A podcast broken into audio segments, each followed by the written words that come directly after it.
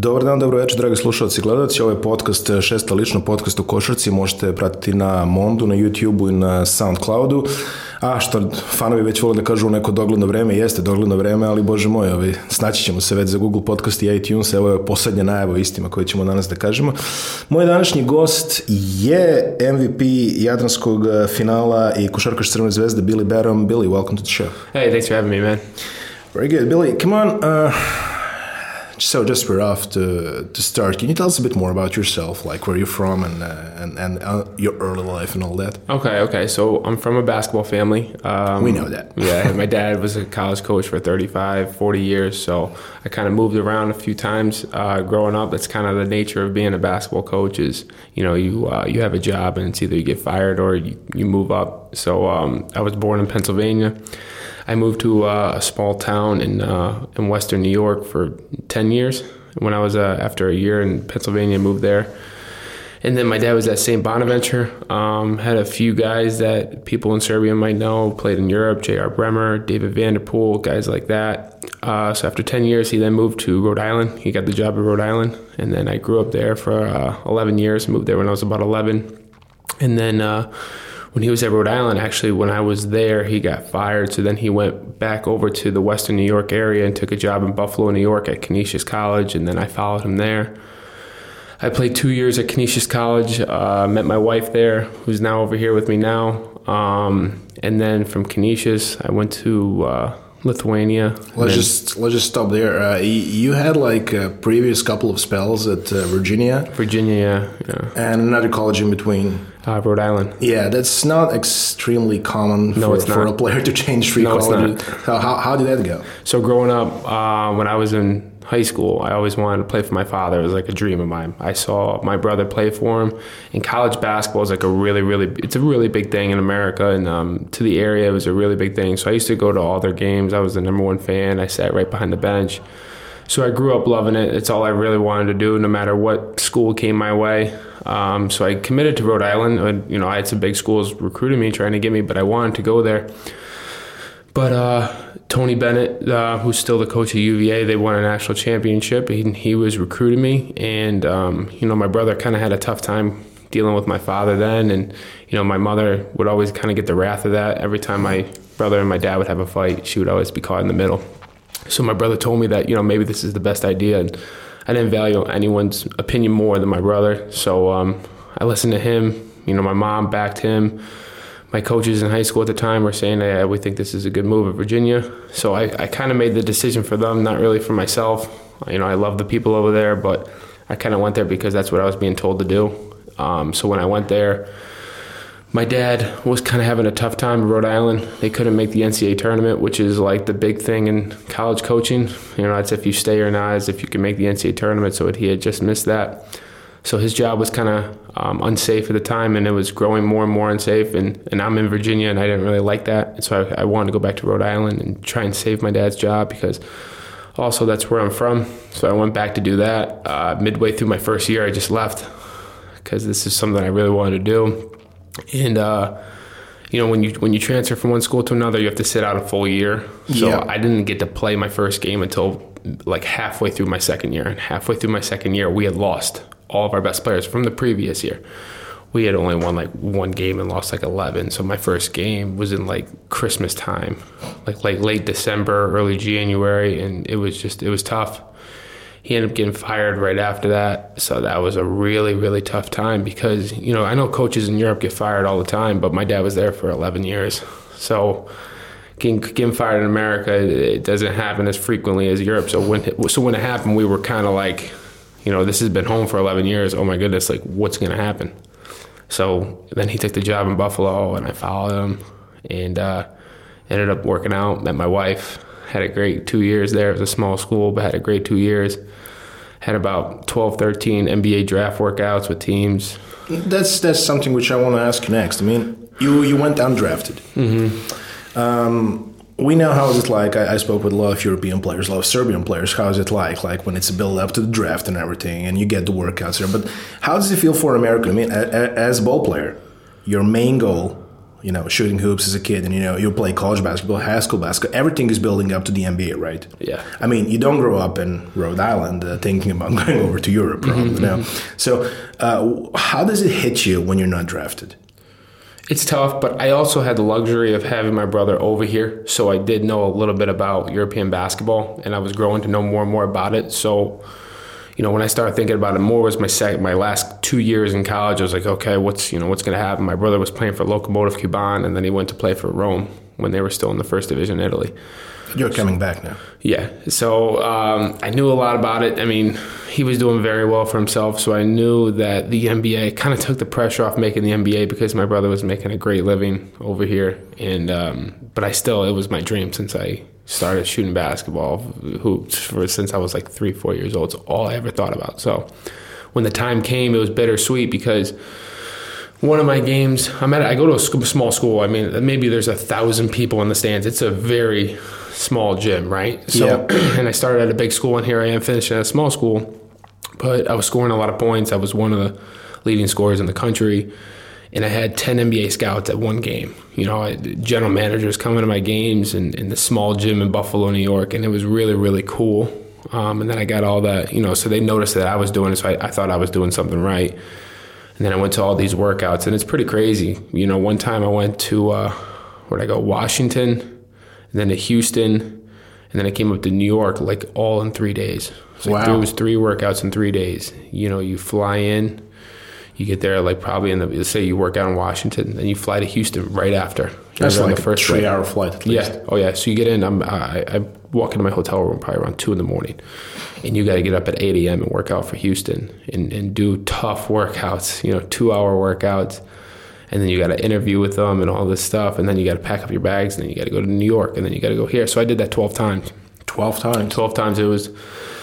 It was tough. It was. It was really, really tough. What do Um, they ask you in those in those interviews? I mean, I heard you're pretty thorough. Yeah, I mean, what my first workout was Chicago, so I didn't know anything about what was going on. I was extremely nervous walking in there. I thought I had to make every single shot. So after the workout, I had a pretty good workout, and they told me they were interested in me at 47, which was like, oh my goodness. So I, I was hearing that from my agent. I go into the to the interview room, and there's people. It's like a U-shaped desk, and from Tom Thibodeau, who is the head coach, the general manager. I mean, there's probably ten guys surrounding you, and you're sitting dead there in the middle, and they're asking. I mean, what was it like growing up? Why did you transfer? You know, why? That was the big thing. Why did you transfer? Um, what's your favorite food? I mean, Well, they, they, they go that deep in. in Yeah, yeah. Some of the teams go that deep. So um, after about two, three workouts, you start getting used to it. You know, some workouts you can't hit a shot. Other workouts you can hit a shot. You start just living with it and be like, you know what, whatever happens, happens. Eventually, as, as I said, you went undrafted, but um, despite that, you have taken part of a couple of summer league tournaments, right? You, Yeah. You've been with Chicago in 2014. You've been with Detroit in 2015. Uh, how's like how's the atmosphere like at the summer league camp? I mean, to me as an outsider, it looks a bit like a meat grinder. I mean, Yeah, it is. there's less, there's like what. Uh, hundred of you guys on six rosters going for what five spots? Yeah, yeah, something like that. And uh, when I went to Chicago, I was more in their plans for the future, so I didn't get drafted. I went with them because they were still, you can still make a team going undrafted. So I went to Chicago just because I thought they were the most interested team. So Tom Thibodeau's practices were like, you know, they're known around America like he grinds you, you know. So we're going four and a half hours in the gym, you know, two times. So it's like two, two, two plus hour segments and you're playing. So Derrick Rose happens to be coming back from injury, and he's like basically 100. percent He wants to go play for team. It was Team USA at that time, and uh, so I'm guarding Derrick. At that time, I'm playing point guard, and I'm guarding Derrick Rose for five straight days for four hours a day. I mean, we're going at it, and I knew I mean, Derrick. were you were you stressed because he's fresh from injury? You don't want to, to implicate yourself in something bad happening. I don't want to hurt him for sure, but it was exciting. It was honestly, it was really exciting, and I had known him. We have the same trainer, and Mm. I had known him for a while, so we here already know who I was. So it was cool to go against a guy like that. I mean, he was still. I mean, he's still really good right now, but he was coming off his first injury, so he was still at a very high level. So it, it was it was really cool. And um, how's the atmosphere like? Like once you get to game time, I mean, is it like everybody looking for his own shot? Is it everybody wants to get in the highlights? Everyone wants going to scout sheet. Yeah. And how's like the atmosphere like? I mean, you probably have like kids who are drafted, right? Mm-hmm. And kids who are know are going to be playing next year. Mm-hmm. So what's the relationship like between the guys who are definitely making it and the guys who might not make it? So the guys who get drafted are definitely going to start the game and they're definitely going to play 20, 25, 30 minutes. They're going to get their 10, 15 shots. The team is going to draw plays for them, all that type of stuff. It's the other guys who you got to kind of find your way. And some of the teams you see, they're pretty easy to play against because it's just all one on one and they don't really set up any offense. When I was with Chicago, we actually done pretty well, and we were actually running a pretty good offense, and we were doing stuff. So it's tough. I mean, you want to see obviously your competition do well on your own team, but don't at the same time you do want to make your dream come true it's a it's an awkward atmosphere. Um, you're only with each other for about ten days, Yeah. um, so you don't really develop genuine relationships. Um, you do want to see people do well. You never, I, I believe, a bad karma. I don't want to see my competition do bad. I feel like that's just not the way it's supposed to be. Um, but it, it definitely makes for an awkward, a little awkward atmosphere because everyone's kind of going for theirs and wants to, you know, land a job. Yeah, yeah, I can imagine that. So eventually, you're making that decision to go overseas. Uh, you, ha- as you say, your brother is already playing overseas. Uh, how hard is it? I mean, what kind of a dog do you have? I mean, for for for us Europeans, we take many times we take Americans for granted when they cross over to European basketball. We say, okay, cool, they're professionals, they're doing their job, uh, they're they're shooting hoops and everything. But how is it like for an American to make the decision just to commit himself to saying, hey, next I don't know, ten years, I'm probably gonna spend in Europe, s- going town to town, town to town, country to country. I mean, it's a bit difficult for you guys, isn't it? Uh, it's a, uh, to say it's a bit difficult. It's saying it easy. I mean, I came over to Lithuania. Not one of my friends or family members. I mean, my dad could, my mom could, but not many like my aunts, uncles, friends. No one could put Lithuania on a map. So I go to Lithuania, and I just remember the. It didn't really hit me right away that I was going there for ten straight months. So I go to the airport, and all of a sudden I'm like saying goodbye to my mom. I'm like, oh my goodness! Then all of a sudden it hit me. And then I get all the way to Lithuania and they, they set me down at my house and I sit down on my couch. They leave me in my house. I'm like, okay. And I sit down on my couch. I just start crying. It's just like, oh my gosh, I'm gonna be here all alone for ten months. And it was just like you don't you don't really know how to approach it. You have, you're just winging it. You're doing it all on your own, right? It's not just basketball at that point. You're like, all right, well, you, you find out real quick. Do you really love the game of basketball? Because And how prepared you are to go Yeah. the distance. Yep, yep. And you're not just doing it for the money because money money won't just get you through these ten months of you know double practices, people grinding you out, um, your coach yelling you at different languages, all these things. I mean, ten months is t- it's a long, long time. So my first year was a tough one. I didn't really play that much because my coach couldn't even speak English. And he told me that my first week there, he looked at me in my eyes and said, "Listen, I can't speak English." This is through my assistant coach who was translating. They said, I can't speak English, so I'm not going to play you a lot. I'm like, why am I even here? I later found out, like, one of the people working who was kind of acting as a general manager signed me without telling the club, like, that they signed me, without telling the coach. Like, they, they weren't communicating that, okay, I want to sign this person. How does they, how do they fit in your offense? Like, none of that was. So I came over there and the guy was like, I'm not going to play you. I was like, wow. You know, it was my first year, I'm not really playing that much and it was tough. And the, and So how, how do you do that? You put your head down, you just practice hard, you I practiced hard, but transferring three, four years before that, two schools, I was sick of it. I was like, I don't want this You want to reputation. grind it out. I'm gonna grind this one out. I'm gonna sit here. I'm gonna grind this one out. They can tell me whatever they want to tell me, but I know if I stick this out, it's gonna teach me some valuable lessons. So, and it has. You know, I mean, every year since then, I kind of resort back to that first year in Lithuanian, like if you you know and i dealt i was depressed a lot because you know it was just me my wife was my girlfriend at the time she was she came over once every two and a half months so when she would leave it was like you know that much worse so i kind of you know I, I plugged through that for 10 months and every time you know things go you know bad over here or i'm down i'm always thinking back to that first year that if you can make it through that first year How was you your How was your cultural adjustment? Did you travel a lot before? Did you? Yeah, I went to see my brother in Turkey. Went to see him in Spain a couple times. Um, so I, I the, the the culture thing wasn't that wasn't big for me. Um, that was a big change for me. I knew it was going to be different. I, you know, I I knew you, by the time I got over here, those past couple years with my brother playing overseas, I kind of did my research on European basketball, and I had a solid feel for what it would kind of be like. So the culture change wasn't it wasn't that big for me. So your first your first European destination is immediately like a premium basketball destination. Like mm-hmm. you played Lithuania, you played for one of the big clubs, which is Rytas. Um, how did I mean? You were probably already prepared for it. You saw footage. Your brother told you the fans and everything. But how was it like for you, like encountering that kind of atmosphere for the first time, probably as a player? It was uh, it was a little bit of an adjustment. Um, but like I said, I, you know, I wasn't playing a lot. I wasn't reading the media. I didn't know what anyone was saying. I had no idea what was going on. I'm sure they were like, "Why is he not playing? Why do we bring an American here who's not going to play?" Because those foreign spots are valuable to a team. You definitely want to use the guys you're going to bring over. So I'm sure that happened. Um, but kind of at the at the end of the year, I stuck it out. We make it to the finals. We're in the finals of the Lithuanian League, and we're playing Žalgiris and I haven't really played much at all. I mean, I've played sparingly throughout the year. I mean, there was a time in December, I think November, I had a I had a stretch of some some good games in like 10, 12 minutes. I'm getting, but I'm like, you know, yeah, like 10 points in 10 minutes. So and that did not give me more playing time. So after that, I was like, okay, this is I'm not. There's no way I can get. I'm doing well in practice. I'm doing my job. I'm doing everything I'm being asked. So kind of in December, I was like, all right, this just isn't going to happen this year. I'm just just sit this one out. So we get to the finals we have a new coach at that time, a guy from Argentina, and uh, it's game two. We're down by about 20 points in the first half, and it's a seven game series. But if you go down 2 0 to Žalgiris, it's you know, yeah, it's, it's probably it's... over. He looks at me, grabs me by the hand, he grabs me by the face with his two hands. He goes, "Listen, you're gonna go in there." And he goes, You're going to go one on one, because they're playing switching defense. He goes, You're going to go one on one and you're going to shoot every single time.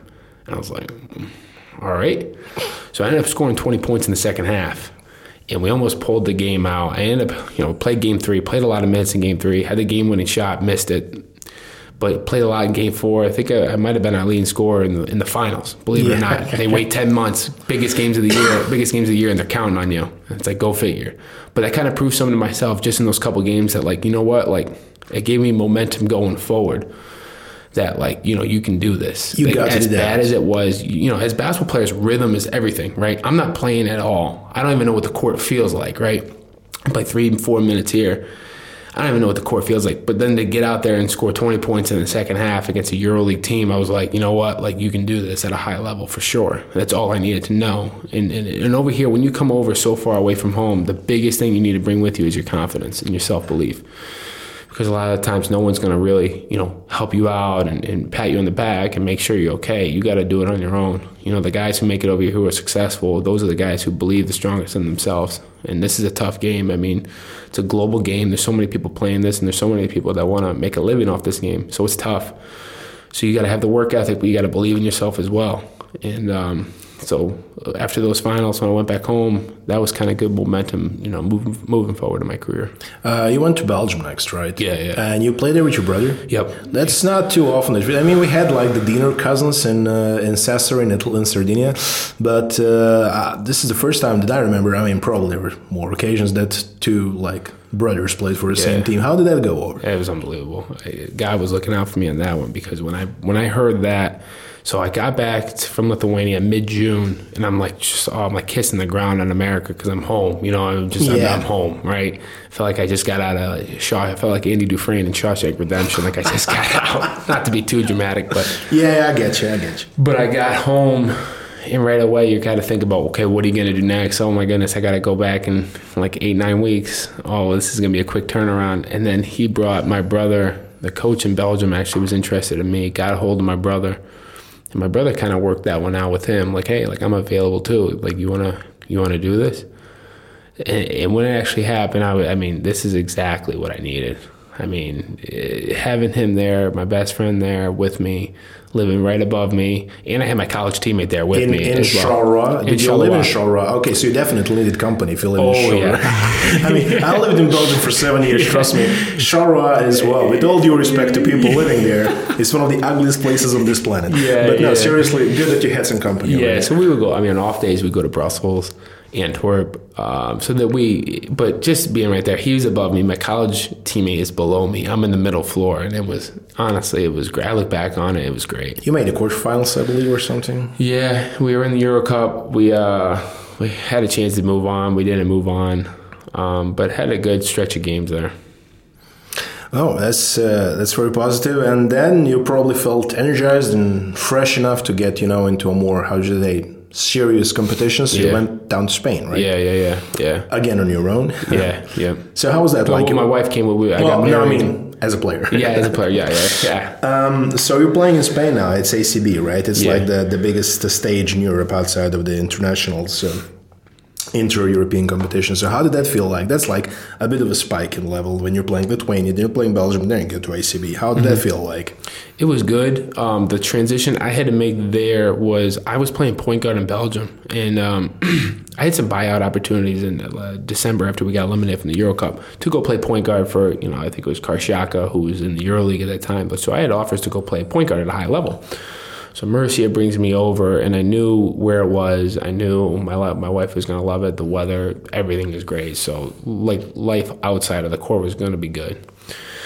But they brought me there to be a two. So the point guard there was Campazzo. So mm-hmm. he was there for another year before he went back to Madrid. So I, I, it was my first year really off the ball, which was a major transition for me because the whole summer leading up to it, I was working on pick and rolls and stuff from the point guard position. But they kind of envisioned me as my brother, just coming off screens and shooting. You know, that was that was really it. And that's something I hadn't really been working on a lot. So the first couple months, again, my coach didn't speak any English. So You're it- a little lucking out with this so it was, it was up and down, up and down, and um, it, it, it, it's I struggled there for the first four or five months, and um, trying to learn my role. You know, it was it was very up and down. I couldn't really find a rhythm. Uh, I had some good games here and there, but I had some bad games. And then uh, brought in another coach, a Greek guy, Fotis Katsikaris. Oh, And, yeah. Um, I heard he was a tough coach, but this was this is something that was great for me. Um, he came in right away. He knew my game more. He put me in some better uh, some better spots for me to be effective. And we ended up winning a lot of games. I think we had won like six out of seven. I mean, we were kind of borderline like relegation with our first coach. He comes in and, and we're winning a lot of games. We ended up going. I think we went like we won like ten games. Only lost like five or six with him. So we really turned around our season. I was playing good basketball. I was shooting good percentages. I might have been like during his stretch. I might have been our, our leading scorer. I think so it was good for me. Again, like I kind of finished that year with a good rhythm moving forward. So And also, I mean, people back home kind of notice you because now you're playing Madrid and you're playing Barcelona. Mm-hmm. How was it like transition to play like serious EuroLeague opposition basically like every two weeks or so? yeah, it was cool. It was it was really cool. We're also in the Euro Cup. We're playing like we had a stretch of games where we played um, we played Madrid, and then we went straight to Munich to play Bayern, and then we came back. And this is all on the road. We didn't go home when we came back. Played Zaragoza, and then our last game was in Russia in St. Petersburg. So it was like a four game stretch. It was like. So uh, no, it was cool though. It makes your job exciting. Like when you play like the big teams like that, like you really appreciate your job because like you're, going into big gyms.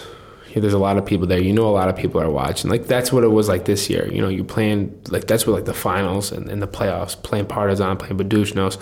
I knew a lot of people were watching, and then the the gym was packed. So you step out there, you're getting goosebumps just because like, okay, this is why I do this, right? You know, this is why I play this game. So you know, this is how I want to be remembered. You know, what I mean, you start appreciating those games when you know you've you've been in you know no offense but you've been in Belgium and even like the like no offense Lithuania league it, not every game was 8,000 people going crazy right Yeah. so it was uh, it was exciting this year So after Murcia and the sunshine, and uh, did you learn Spanish at all, or or you tried? muy poco very little but I will I, I would love to learn Spanish Well, there sure. you go. Well, talk about it. I, I'm not going to ask you about Lithuanian, and uh, Yeah. I don't know. I don't know how's your French, but generally, uh, so uh, then you move on to Turkey, right? Yeah. You're moving to Eskişehirspor, mm-hmm. and the story I hear continuously about um, from guys who end up playing in Turkey but do not end playing in Istanbul or. You know, uh, they say like the atmosphere is very professional. You know, there, and there's not a lot going on outside of basketball. How was your experience there? So after, all right, so after my first three years, I kind of had like, I kind of looked at my three years being in Europe. I was like, okay, I'm not really going at the rate I want to go at. Like I kind of looked at, it, I was like, okay, I haven't had a great three years in my, in my judgment. I haven't had a great three years. So I looked at Eskişehir when they came. I had some other offers, and I told my agent, no, don't like it, no, don't want to do it. And I had this. He told you brought up. You know, I got this small team in Turkey. Um, you know, they're, they're really interested in you. The coach wants to talk to you, and I was like, okay, yeah, put him on the phone.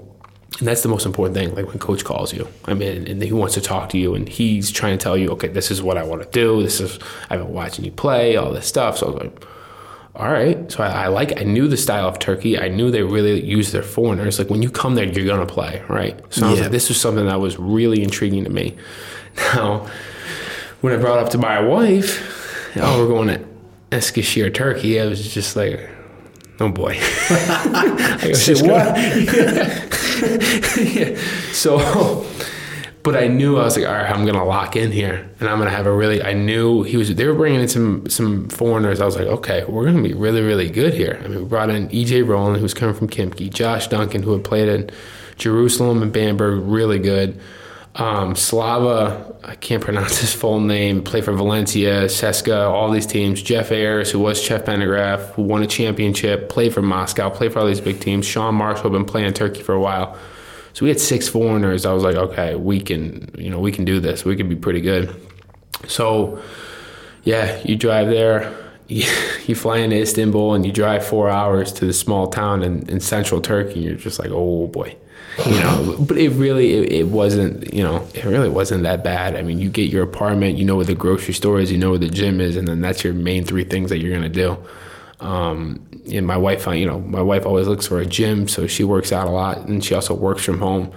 So day to day, you do find a rhythm in what you're doing, and then it becomes very comfortable. It starts to become a little more like home, just because you know what to do, you know where everything is. So we had, we were doing well. Um, I think we had a four seed in the Turkish Cup. You know, we were doing, we were playing really, really well. Then we had some injuries. Guys got hurt. We ended up losing a lot of games. But at the end of the year, um, we ended up getting like a seven seven seed in the playoffs. We lost to Tofaş, but it was a, it was a good overall year for myself. It was a good over, overall year for the team. But the bad thing was is over the summer. I remember I'm on the golf course. I'm an avid golfer when I'm home, so I'm on the golf course, and I see on Twitter, you know. So when I was there, okay, when I was there in March, the Turkish lira just went straight down. Right, it went straight down. So I'm on the golf course. I look at Twitter and I see you know, Eskişehir is folded, basically, is what it said. Because Okay. we had qualified for the Euro Cup or Champions League, so they're going to be in one of them. And they were talking about, okay, you know, they're trying to bring me back, all this stuff. So nothing was hinting at that they were just going to fold, especially when they're talking about bringing you back. And um, so I saw that on Twitter, and I'm still owed a couple months' salary, and I'm just like, oh boy, like you're not gonna, you might not see that ever again. So that was, uh, so they folded. That was a tough thing. You know, you you you got all your bonuses, a couple months of uh, salary that you're not going to see, and so that was, uh, let's just say, I was a little angry. Yeah, I mean that that's also another uh, kind of reality of European basketball that uh, many Americans are maybe not aware directly, but those things happen, don't they? Oh yeah, and it's tough. It's tough. It's basically like okay, I was over there for two months for free. Like I just was there doing community service, you know, over in the middle of nowhere in Turkey. So um, no, it, that was that was definitely tough because I mean, you look at it, guys over here. You don't know how many years guys over here for. You stay healthy, knock on wood. You're over here for 10, 12, or 14 years. I don't know, however long you want to be over here for. But it's not like you're making, you know, $10 million a year. You're making Yeah. so, so much money. And you have to save it because you don't know, basketball players, you don't know what you're going to do. A lot of these guys, they don't know what you're going to, you don't know what you're going to do after basketball, right? You have to find a completely new job. It's your first time not playing the game of basketball. So you got to make sure that you set yourself you set yourself you set your family up financially so for that transition because you don't know what's going to happen right and um, so you know not getting paid from there was you know that was that was a tough one And I mean, definitely, as you said, you're crossing over to a whole new career, or any kind of career. And we had cases in the past. Antoine Walker went bankrupt. Uh, Allen Iverson went bankrupt. Scottie Pippen was on the verge of getting. And we're talking like we're not talking like Joe Average. We're talking Scottie Pippen, like one of the NBA's 50 greatest. So it's definitely hard. I mean, on their salaries to find the direction of life. And I can imagine salaries which are being paid overseas. So uh, when when people hear it's like three months back pay or something, it's ain't no small money and ain't no small thing. mm-hmm. for sure for sure and a lot of these teams these big teams who are late with payments you are you are going to get it. I mean, it's just a matter of time. But it's the risk you take when you go to small clubs like an Eskişehir in Turkey. Yep. That it's you know there's, there's not many laws backing in backing you that you're going to get your money. Uh, in between those European spots, you also had the roster spot on the Team USA. Yeah, yeah, yeah. You played in the FIBA America Cup in 2017. It was South America. You played Argentina in the finals. But how was the experience of uh, you know wearing a national shirt like? Yeah, it was really cool. So Woj, I'm, I'm very close friends with Adrian Wojnarowski. He gives me a call out of nowhere over the summer saying, "Hey, I got this, I got this thing. You know, I just talked to Jeff Van Gundy. He talked about he's going to coach Team USA. It's not out there yet, but he, he's he's going to coach Team USA." And he's like, "I brought up your name to them." And I was like, oh, I think it'd be really, really good for you. And I was like, well, who's playing in this team? This is Team USA. But it was during the time when NBA players couldn't do it. So I was like, oh, okay. So I was like, all right, well, well, like, you know, let me know if there if there's interest. My agent then called me, basically said the same message that Woj told me, just they're going to keep me posted. So then my agent calls me back probably two weeks later, says, hey, they're going to bring you down for training camp. They need a shooter. They're going to bring you down. So I was like, wow, all right and uh, the director of USA Basketball called me. That's when I knew it was all real. Hey, we're going to fly you down, blah, blah, blah, all this. So you go to training camp. I think that we brought in like 18, 20 guys for like 12, 12 spots. So that was tough. So you go there for training camp in Houston, Texas. Uh, we had a practice every single day, and you're fighting for a Team USA spot, and that was tough. I mean, you're like, oh, you took it serious. Oh yeah, and there's a lot of NBA scouts there, and I mean, you're going to put USA on the front, and anyone who's played for the national country knows how big that is in um, and, and, normally us guys want to get that opportunity, right? Because you're going to give it to Kevin Durant, LeBron, all these guys, right? Yeah, yeah. So it's right in front. All of a sudden, it's placed right in front of you, and you don't want to let this one bypass you. So um, I ended up thankfully making the team. It was great. I ended up making the team. We flew right down to Uruguay, played a couple of games there, won those games, and went to Argentina, played a couple of games, and won. Ended up winning the whole thing. You went um, up against uh.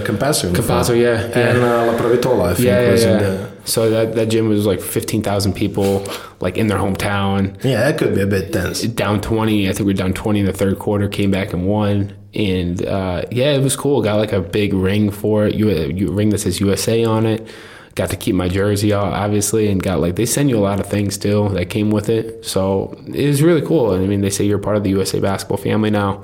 So it's something i'll, I'll really cherish for the rest of my life. Your coach was uh, jeff van gundy right? Yeah, so how yeah. was it like working for a coach who had like nba finals experience and a massive nba experience? It was it was really cool. I mean you would think the guy would walk around with a huge ego but he doesn't. You know i, I remember so my wife came down to south america with me and I, I remember i'm just coming down to the hotel to lobby one time to see her to have a coffee with her, and he's sitting there with her, just kind of chit chatting about her job. Like they're having a full conversation about my wife is a travel agent, about you know what does she do, and, and Jeff was actually from the same area that my wife and where I live now, where mm. we're from. So we actually had mutual friends. But here's a guy talking to my talking to my wife, having a full conversation about what she does, right? And we have a game like that night. So it was a guy who just kind of had a he's got really good perspective on things.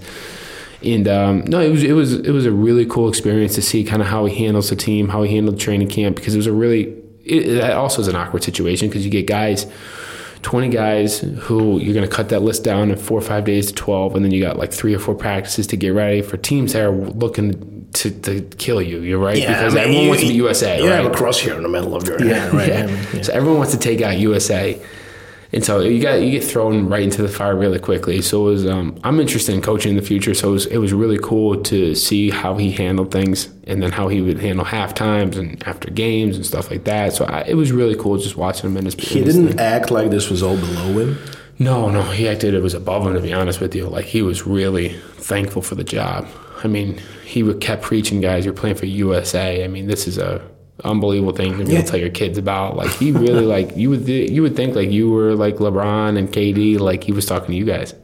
And uh, you had a couple of interesting uh, players on that team. I think Xavier Munford was on it from Yeah. Barcelona. I mean, I mean, we remember him from Barcelona. One of the Plumlees was on the team, Yes, yes, and Reggie Williams, a very experienced player, was on. yeah, yeah, yeah. How how was like uh, you know uh, setting up camp with uh, Team USA in the middle of South America? It was a great spirit, camaraderie, and all that stuff.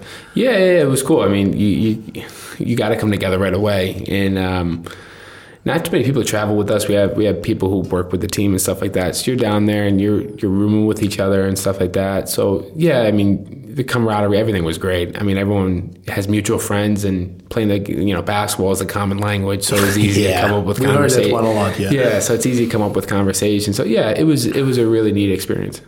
So uh, eventually you end up coming here. Yeah. So how does that happen? That's that's what I'm always interesting speaking with Americans. So what kind of uh, sways you to come over to Belgrade? So my agent called me. I want to say it was right after the EuroLeague Final Four that was in Belgrade. He came here for it, and he had potentially heard that um, Milan was going to get the job here.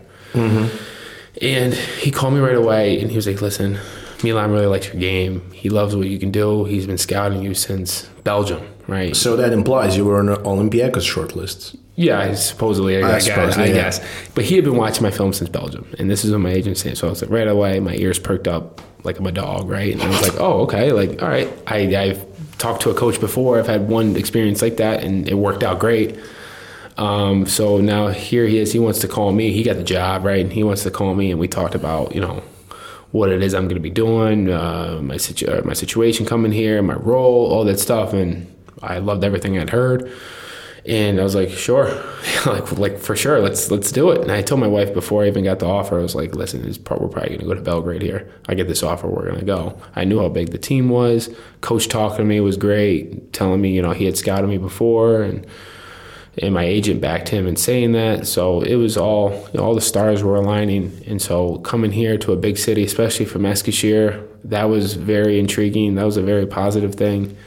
Um, so it was um, overall like once we got the offer, it was it was a very exciting thing for us. How did the wife take it? Wife was yeah, she she I knew a lot about Belgrade.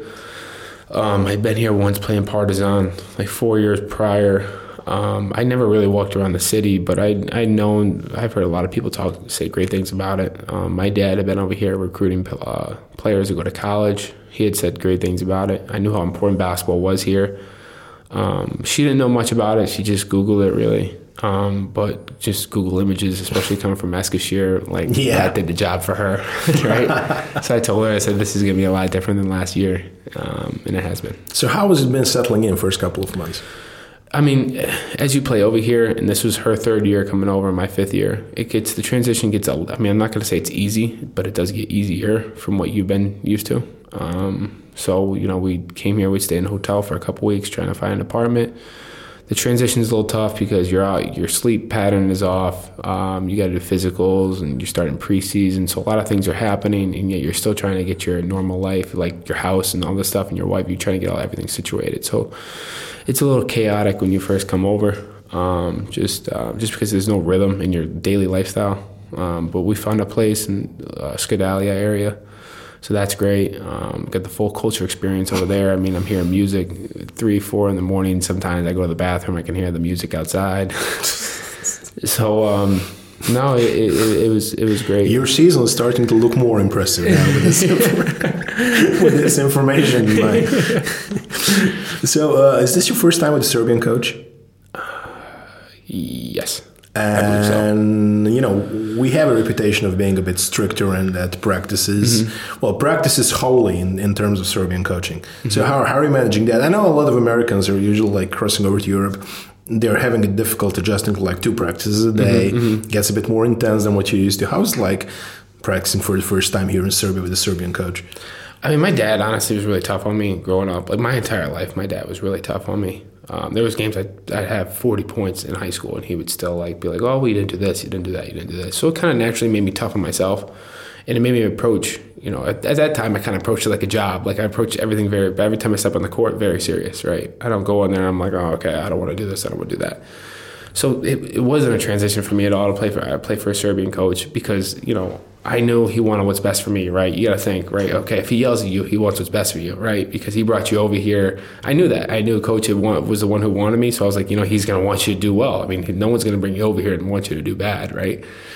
So I knew that, you know, he had big plans in store for me. So anytime, you know, he got on me or anything like that, I, I knew how to take it. You know, this be, this being my year number five for me, I knew how to take criticism. Um, and it's, you know for sure it's going to come your way. Anytime you have a big role, especially on a big team, um, there's you're going to get criticism along the way. Um, you got to take it constructively, which is positively. Um, and I saw the bigger picture and things. And um, I never really got down on myself. Two practices, you got to keep yourself in shape. you know, I do things off the court to keep my body, knock on wood, to keep my body feeling good. So, I mean, there's no no real transition for me. I mean, this is my job, right? You get to play basketball for a living, right? So I don't, I don't take that for granted. Um, you basically shot right out of the starting block. They won the Super Cup. Um, eventually start playing Euro Cup, and that's where you like start feeling the atmosphere a bit. I think. Um, Gala. Yeah. Yeah. Gala was, Gala was like the first game. I was like, oh wow. I remember coming out in that game. There's a bit of a history between. Oh those. yeah, I know. You heard- you heard- yeah, yeah, heard yeah. So I came in fired up. I mean, this being my only my first year in Red Star, I played against Gala the year before. I knew they had some some pretty crazy fans, um, and I knew the history between the two teams. So I came in there fired up and just felt like when you know I started hitting some shots, I was like, wow, like the hoop feels really big right now, just because when you got all the fans, especially when you go, when you when you go to shoot the ball and you know if this thing goes in, the place is gonna go crazy. You want to make that shot so much more, right? So. Um, the European players, they already know what kind of uh, a gym this is, right? The Pionir where you play. But uh, as an American coming on, uh, can you? How can you really appreciate the home support, and how does it feel for you? I mean, what kind of difference difference does it make? um, it makes you feel like you know when you get the fans calling your name, and they're supporting you and they're going crazy for you, and it makes you feel like you're at home in a way, right? Because this is what I've been doing my whole life, and now I'm doing something that I love, and I'm doing something to help them as well. Like I'm playing for their team, they want to see me do well. Obviously, I want to see myself do well, so it's like a mutual thing there. And then when it happens and you're winning games, it, it you know, and you feel that you really feel the support from the fans, especially coming four or five thousand miles away from home, um, where you do, you know, you do get homesick no matter how many years you're over here. Being that being away from home for that long and consecutive ten months being away, you do get homesick at times. So it's important. It's really important for us Americans to feel that support. It really, really is, just because you don't really see your family a lot. And when you know, a couple times here, I heard my name being chanted in the stands. It's just you get you get goosebumps because you you've been missing that a lot. I think people over here. I mean, I've been to states a couple of times, and the people over here maybe underestimate too much how much family and community oriented Americans really are. Yeah, So yeah. for, for for them, I mean, for you guys, it's it's a big thing. Yeah, it is. I mean, I only see usually I only see my mom and my dad like one week out of ten months, and that's a really that's a tough thing. You know, that's you thank you know thank God for FaceTime and for all the technology that's out there for us to be able to see them and communicate with them that way. But you only get to spend. You know, I don't see any of my friends. Um, I've only had one of my friends come over here and see me in five years. Luckily, my brother was only in France and had some time off, and he was able to come over here a couple times. So yeah, I mean, like me and my wife over here, it's really that in itself. You That's find it. out you find out if a marriage will really work really fast because you spend a lot of time together. And uh, she's been great. I mean, she's she's been a blessing. And um, you had like in that uh, part of the year you went out of the Euro Cup, had a bit of up and down, so to speak. But eventually you were finishing off as the first seed in Adriatic, and for the first time in your professional career, you're playing for a championship, literally playing. I mean, you had that experience in Lithuania, but here you're like a star player more or less. So how, how does that feel like getting into the playoffs? You know it's going to be tough. Yeah, and and leaving the Euro Cup the way we did, I was you know coming here. I thought we had a chance to win the Euro Cup for sure. That was my realistic expectations. I looked at our roster. I was like, okay, especially we get home court, we can win this whole thing. Um, to lose the, the games we did in the in the way you know one point here, one point there, rebound here, that was really tough because I kind of saw where if we made it out of that group, you know, like say you get second, you know, you can get Berlin and then you get Andorra. I'm not saying we're going to beat them, but I'm saying it would have been tough for them to beat us, and it would have been nice to get to the finals, and then you never know what happens in the finals. So I kind of had my eyes set on that during that time, um, and then leaving that was was really frustrating. It was I was I was really mad at that because I wanted to play on that stage. I wanted to make the Euro Cup finals, and then let's see, that's how you're remembered, right? Everyone's watching the Euro Cup finals. I wanted Yeah. to get to that stage, and then boom, let's go. Euro Lights are- League spot up for grabs. lights are on. This is how you're remembered. Let's do it. So that kind of motivated me to to win the Adriatic League, right? So, um, yeah. So when the playoffs start for the Adriatic League, that that motivation I had to win the Euro Cup was like, okay, well now you got another opportunity right in front of you. Like let's not let this one go by, right? Let's. I'm sick of losing games at the end of the year and then going home, right? Like let's finish. Not to say we're finished, but we're going home right after, but let's finish this league on a good note. Like let's be let's be remembered here for something good. Let's win something. Let's put something on your resume because as players, you don't. There's so many players coming over here, especially from America. There's so many players coming over here at so many different levels that there's so many guys that don't win anything, right? Yeah. So when something's there to win, it's like okay, well, that you're gonna go for it. Yeah. And I knew, I realized that I was like, I don't want to be in the losing side anymore. And you're playing immediately the fiercest rival in the semifinals. Mm-hmm. So how did that come over for you? I mean, that, that was probably the first time when it went completely nuts in terms of atmosphere and everything like that. Yeah, sure, you had the cup and you had a couple of league games, but you know, it's playoffs. You turn it on. Yeah, So yeah. how, how was that like? That was wild. that was wild. Um, and it being only a three game series, like game one came down to a close game. And you're like, all right, definitely, want, definitely don't want to lose this game, right? Yeah. Because you lose this game, it's going to be, you know, then you got their home court. It's, if, you know, season's on the line, you definitely don't want to be in that position, right? So um, that, that first game was, I mean, you got to see, you got to want to step up. You want to be the guy to, to try and take the last shot or you know make a big play or something like that. You know, I, I knew we needed to win that game, and thankfully we did. And then there was a game three. In my opinion, that's where, where everything clicked for you guys. I mean, that's that's like when everything gelled back to the team which we saw looking at the Super Cup in the first beginning of the season. Uh, so, uh, how did you make that? Uh, was it natural? Was it something coach said? Was it you know what, what was the pep talk before you came out of the game three and say, "Look, guys, this is it. Win or go home." Coach had just really kept preaching. We're gonna we're gonna pick them up full court every single time. We're gonna get up, everyone, all five guys. We're gonna guard them from the time they inbound the ball, from the time they get off the bus. We're gonna start guarding them. I, that was really what I got out of it. And you're like, all right, like we're gonna have eight thousand people behind you screaming their their heads off. Yeah. So finding the energy is definitely not going to be a problem, right? I don't care if you haven't slept in three days. You step in that gym, you're going to be fired up, right? So I knew that that was the benefit of having the home court, getting the one seed in the Adriatic League, and you really felt that that third game. You know, when even just when warm ups were going on, and everyone's going crazy, especially when we first take the court, everyone goes nuts. You're like, I don't see how we can lose this game out here. Like I don't, I don't see because we're gonna play so hard, right? Now I'm not gonna tell you, I'm not gonna sit here and tell you we're gonna make 75 percent of our shots, 80 percent of our shots, but we're gonna play hard, right? And it's just gonna be if this team, if if Partizan's gonna beat us, they're gonna have to. They're gonna have to play a really good game. You know, that's kind of how you felt when the fans are going crazy. You look at your teammates; their faces, they're ready to go. We know, we know what the game plan is. We know the energy we're gonna bring. Now they're gonna have to go play a really good game to beat us. So uh, eventually you, you end up in the finals, right? And you're playing the team which uh, beat you last year. And there was a bit of history behind that as well, but let's just put that all aside. From the basketball standpoint, how how can you recap the finals?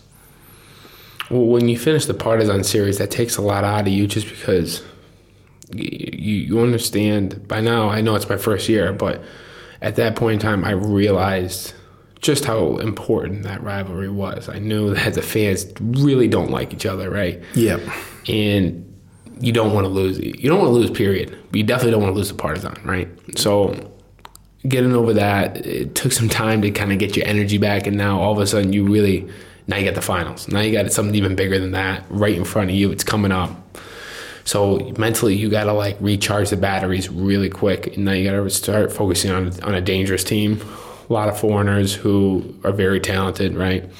Gordić had won the championship before, playing really big. So Oh yeah, it was Kyrie Irving out there. Right. So we knew that um, you know we didn't have Joe at the time, right? So we knew, all right, we're gonna have to really step it up here. And um, right away, it wasn't that hard to recharge the batteries right after Partizan um, and start focusing on them. We had played them what three times before. We kind of had an idea of what they were going to bring, but we also knew the intensity was going to be ramped up. They're going to play even harder. Game one, I remember they came out right away, and you kind of had a sense for they're not going to call fouls really in these finals, like right away. No, that, like, that's all right. love the whistles there. Yeah. I was like, this this in American football is a 15 yard penalty, and this isn't even a foul right now. So I was like, Face mask. so right away you're like, you're like, all right, this is they're not calling fouls here. So this is how it's going to go. Okay, all right, this is don't complain. This is how it's going to go. Now you Yeah. return return it to them and play even harder. So um, winning game one and winning game two, like I said, it was the same thing as the Partizan thing with game three. Like it's going to be tough to come in here and beat us um, with how loud the fans were, with how hard we were playing, really playing well together. Um, so you know, taking advantage of the home court and going up 2-0 early was that was very, very. I mean, obviously, it's very important to go up 2-0 in a five-game series, but it we needed that. How hard was it playing down there? It was it was tough. I mean, you go in there focused on the game, right? Just mm. basketball. You know, I'm in the locker room. I'm focusing on all right. You know, what plays am I going to come off of? What what plays do you want? to What kind of shots do you want to take today? Like that's kind of how I've been approaching this year. Is where do I see myself? You know, doing right. You kind of and picture it in your mind. it's almost like taking the real shot out there in an empty court when you picture it in your mind, like, okay, this is what's going to happen. This is they're going to probably to play me, right?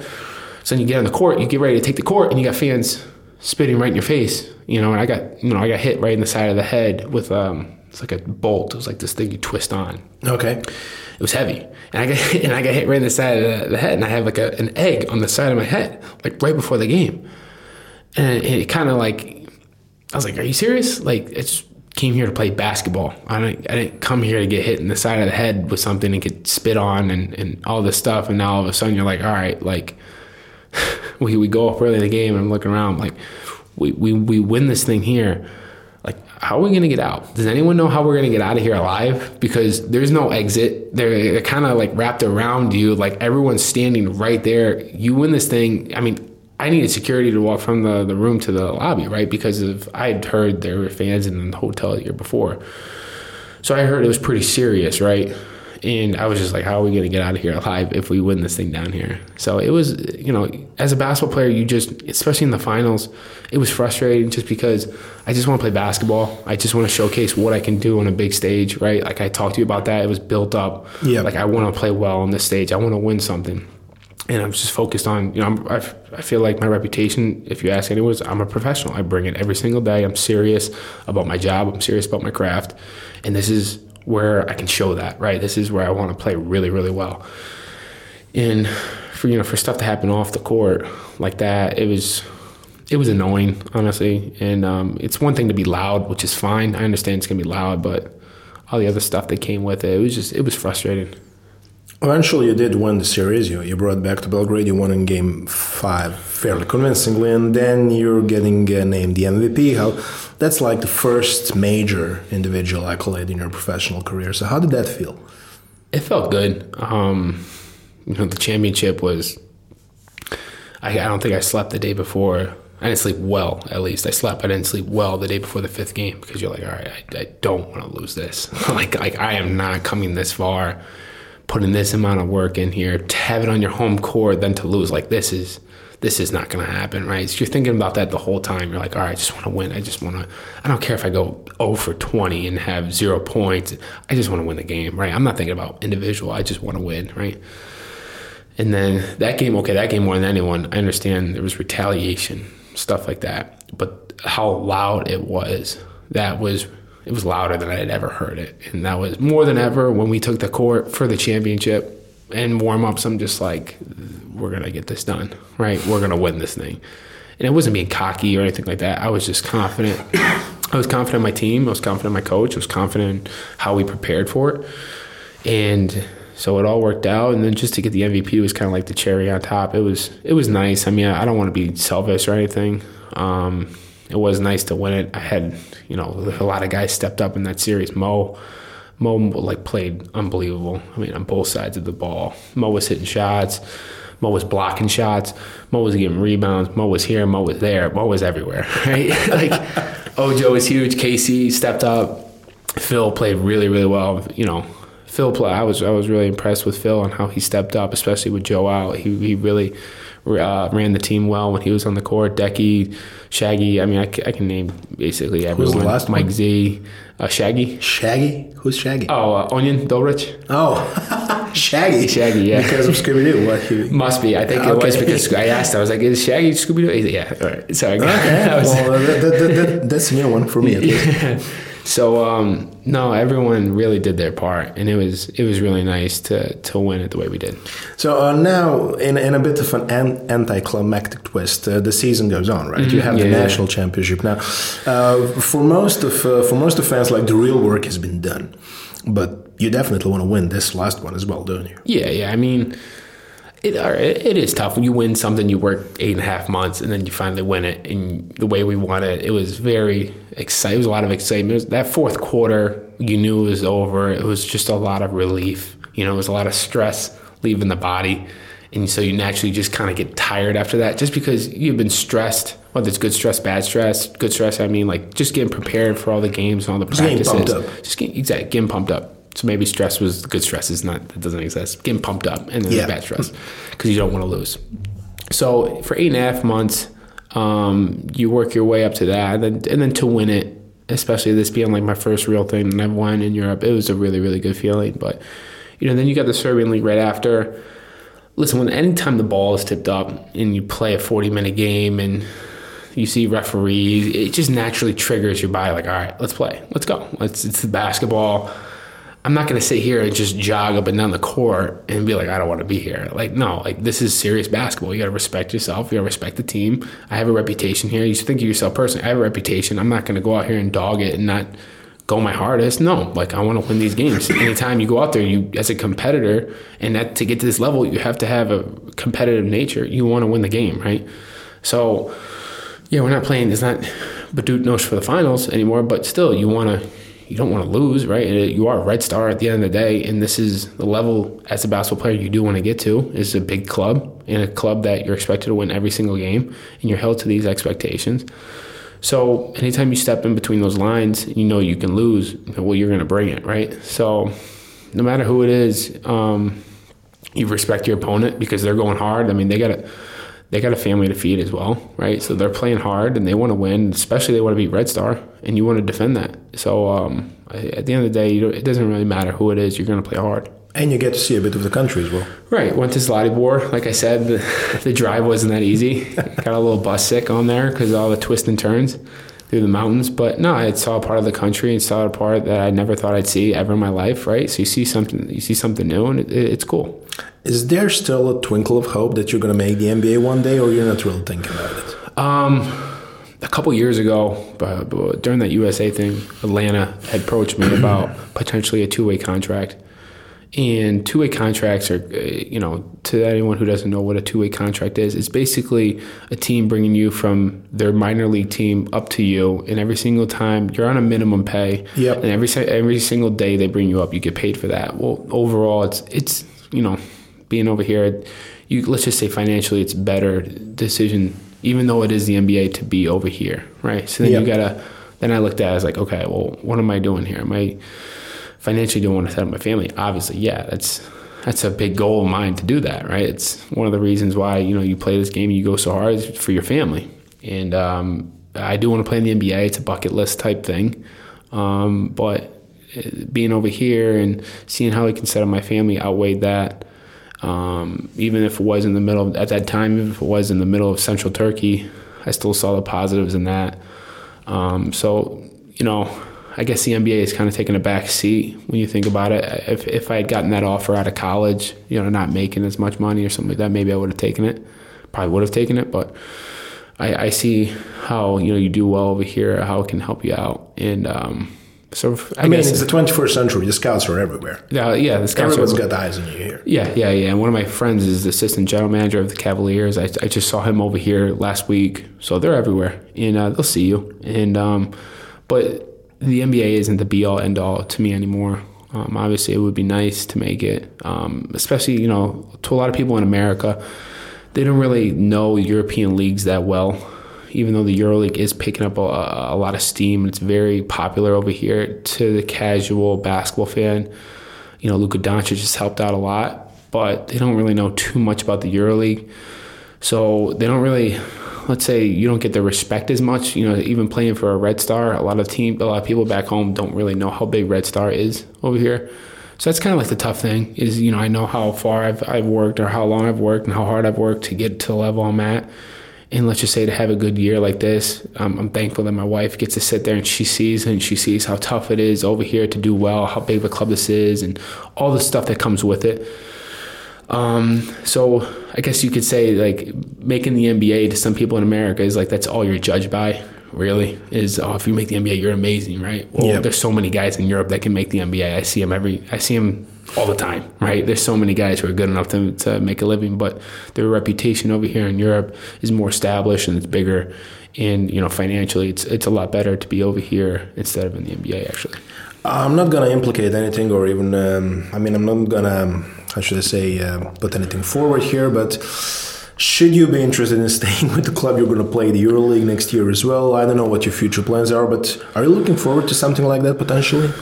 Uh, of course. I mean, I got to talk with the club. I got to see what they're thinking. Got to talk to my agent, and you got to basically got to talk to both parties and see what's going on and get a feel for the situation. See what they're thinking. See what my agent says, and then we'll talk from there. But you know, any anytime the EuroLeague is presented to you, you got to take it very serious. It's it's something you know. So only so many teams are in it, and it, like I said, it is building up its reputation and it's being more established worldwide.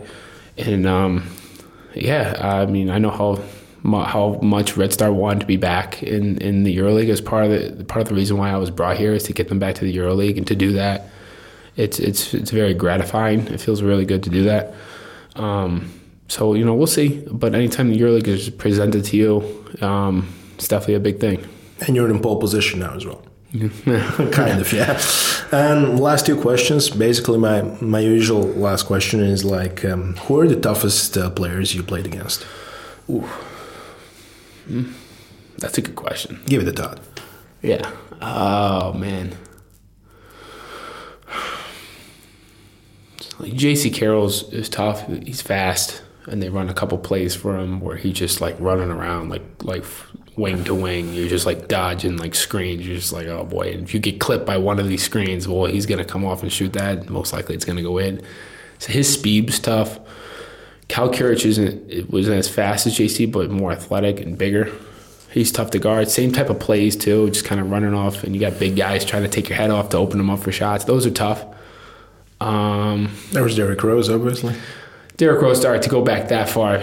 Derrick, I mean, come on, Derrick Rose. I mean, this is before all his injuries. Yeah, yeah. I mean, the OG Derrick. Derrick, Derrick yeah, Derrick. MVP. Derrick takes the cake on that one. and uh, my final question is: uh, I'm aware you're a big New England Patriots fan. Yeah. So excited to get Brady back for another year. Oh man, anytime you get Brady back, get the goat back, it's it's good. No, it. Uh, yeah, I mean, I guess I, you can say I'm a little spoiled by being a Patriot fan with all the success they've had in the last uh, yeah, you pretty much, years.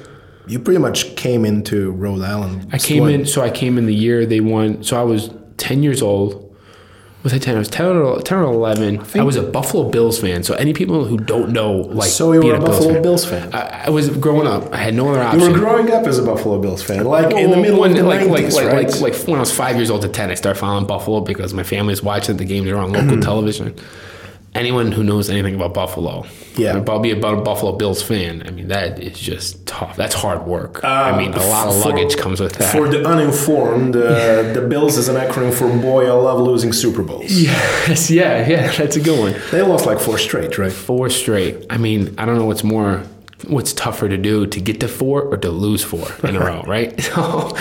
So the last four straight. So in a nutshell, it's very painful to be a Buffalo Bills fan. So when I came over, so you jumped ship. I jumped ship, but I jumped ship. I'm telling you, I jumped ship before. So my best friends over there that I met, who live right across the street from me, they were Patriots fans. So I grew up. We're watching every single game. So I'm like, oh, all right, I'm 10 years old, 11 years old, 11 years old. I feel like I can still. I'm at, still at the age or you can, make the transition. acceptable to jump So I did, and they win. They win the championship in the last 18 years. Been the so what? You jumped ship just before the Tuck game, or what? Just just before no regular season before that. Ah, okay. So then everything kind of happened. The Tuck game, then you got win at Pittsburgh, and then you got the field goal to beat St. Louis. I, then boom, it's all great. Yeah, and, and, all of a sudden you're taking credit for that. yeah. what about baseball? Like Red Sox or Sox? Red okay. Sox, yeah, Red Sox. Oh well, good. I've been spoiled by that too. You've been spoiled. And then the curse, and then the curse about three years after the Patriots won the Super Bowl. Let's just say it's been good to be a New England sports fan. Who was your favorite from that generation? Manny Ramirez. Oh, okay. Manny Ramirez. That's actually why I became a Sox fan. So, believe it or not, he plays for Cleveland. Yeah. I'm still in New York. Cleveland's about three hours away, so it was like the closest team to us. So I was a Ma- I was a big time Manny Ramirez fan. He makes the jump to Boston before I make the jump to New England. I'm I'm already a Boston fan. We're 45 minutes away from Boston now. It was a match made. I remember staying up for the bloody sock game. You know, just E Yes. ESPN zooming in into that. I tell you what, being a fan, watching them. So the Red Sox hadn't won a championship in 86 years. That's a long time to in between championships, and there was a curse on them. For people who don't know, there's a curse on them that they can't win it. The curse Because of in the Bambino. 1918, they traded Babe Ruth because the owner needed money at the time. To finance a musical. Yes. So he goes to New York. New York ends up having all this success. Basically, Boston's cursed. People say they're starting saying they're cursed from then on, and it actually gets more and more believable as the decades go on. They can't win a championship. They get close. They're one stupid error away from winning a championship in 1986. That's uh, Bill Buckner. Bill Buckner goes right through his legs. 2003. There was they- the Bucky three dots dent. Yep. There was. Uh, yeah, yeah. You know, you know your stuff. So I'm, I'm, a, 2003. I'm a Cubs fan. I know all about curses. So- Mm-hmm, Yeah, wow, yeah, you do. So you know, games was it game seven in two thousand three? They they lose. On Oh, the that was Aaron. Boone. Aaron Boone hits the home run, so you get that close. But 04, listen, 04 they go. They're in the same exact situation. They're in the conference championship, playing the New York Yankees. The team, the team who put the curse basically on you, your big brother. You go down 3-0 in a best of seven series. And there's a Dave Roberts steal. Dave Robert steal. You got little guys stepping up, role players stepping up, playing huge things. You got David Ortiz, who's basically the savior, coming in and just leading the team, hitting you know game winning hits. And then a team has never come down 3-0. I've seen a lot of great series in professional sports, but that one, uh, alongside with the 91 uh, Twins uh, Braves uh, World Series, Okay, yeah, is yeah. definitely one of the better ones I've seen in my lifetime. So if you like baseball, anyone out there you like baseball, go to ESPN. Did a little documentary, the four days in October, I believe it's called. I think that's 30 for 30, right? 30 for 30 Yeah. right do that it's an hour i think it's an hour and a half hour long do that and then you'll get a feel for just how excited i was and all the people from boston how excited they were because you got people grown men literally crying in bars watching them win and, that, and they just beat the Yankees. They didn't even get to the World Series where they swept the Cardinals. But Just to the beat the Yankees to get to the World Series was like every everything. People said they could die now. That's how serious it was. Well, I just got to hear before we bored the piss out of everyone. Billy, thanks for coming in. Thanks, man. I appreciate it. Thank you. That was great, man. you do know your sports, huh?